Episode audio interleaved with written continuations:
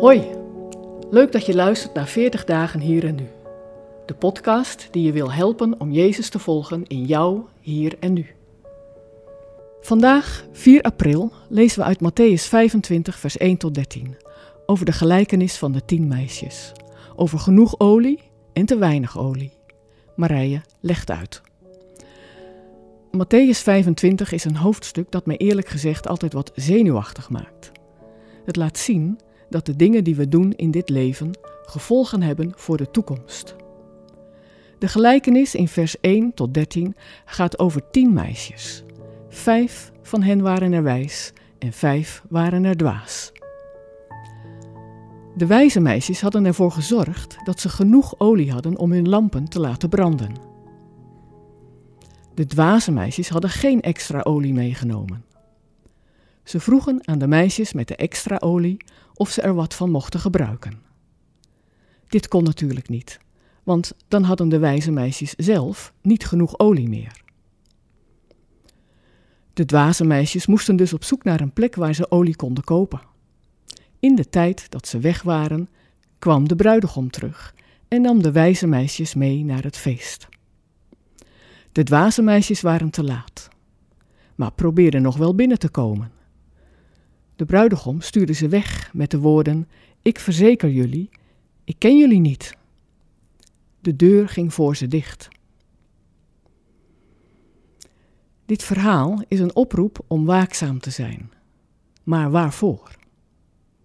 En hoe doen we dit? Wat is de olie in onze lamp? En hoe zorgen we dat we genoeg hebben? Er zijn verschillende dingen die opvallen in deze tekst. Het valt op dat de wijze meisjes vooruit hebben gedacht en genoeg olie voor zichzelf hebben meegenomen, terwijl de dwaze meisjes meteen vroegen of ze wat olie mochten van de wijze meisjes.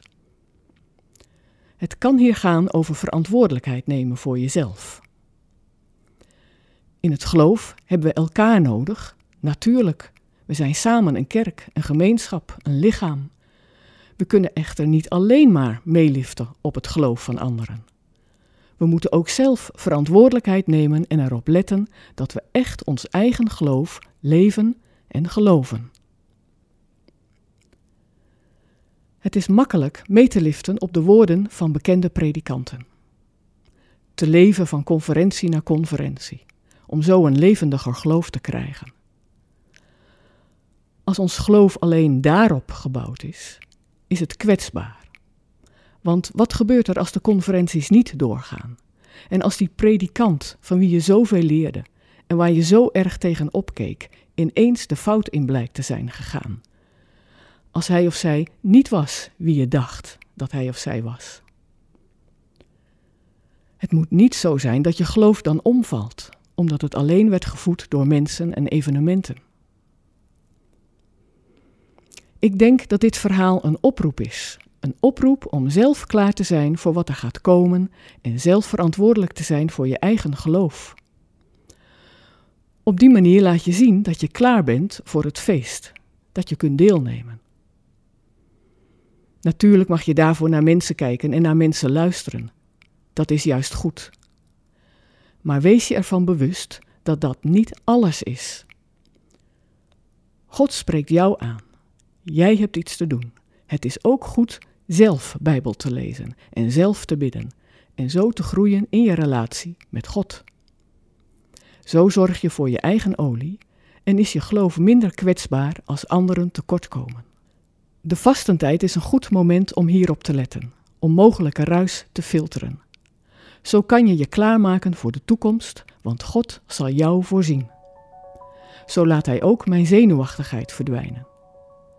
Het is goed om je altijd te blijven afvragen: wat van mijn geloof is van mezelf en in hoeverre ben ik afhankelijk van andermans geloof?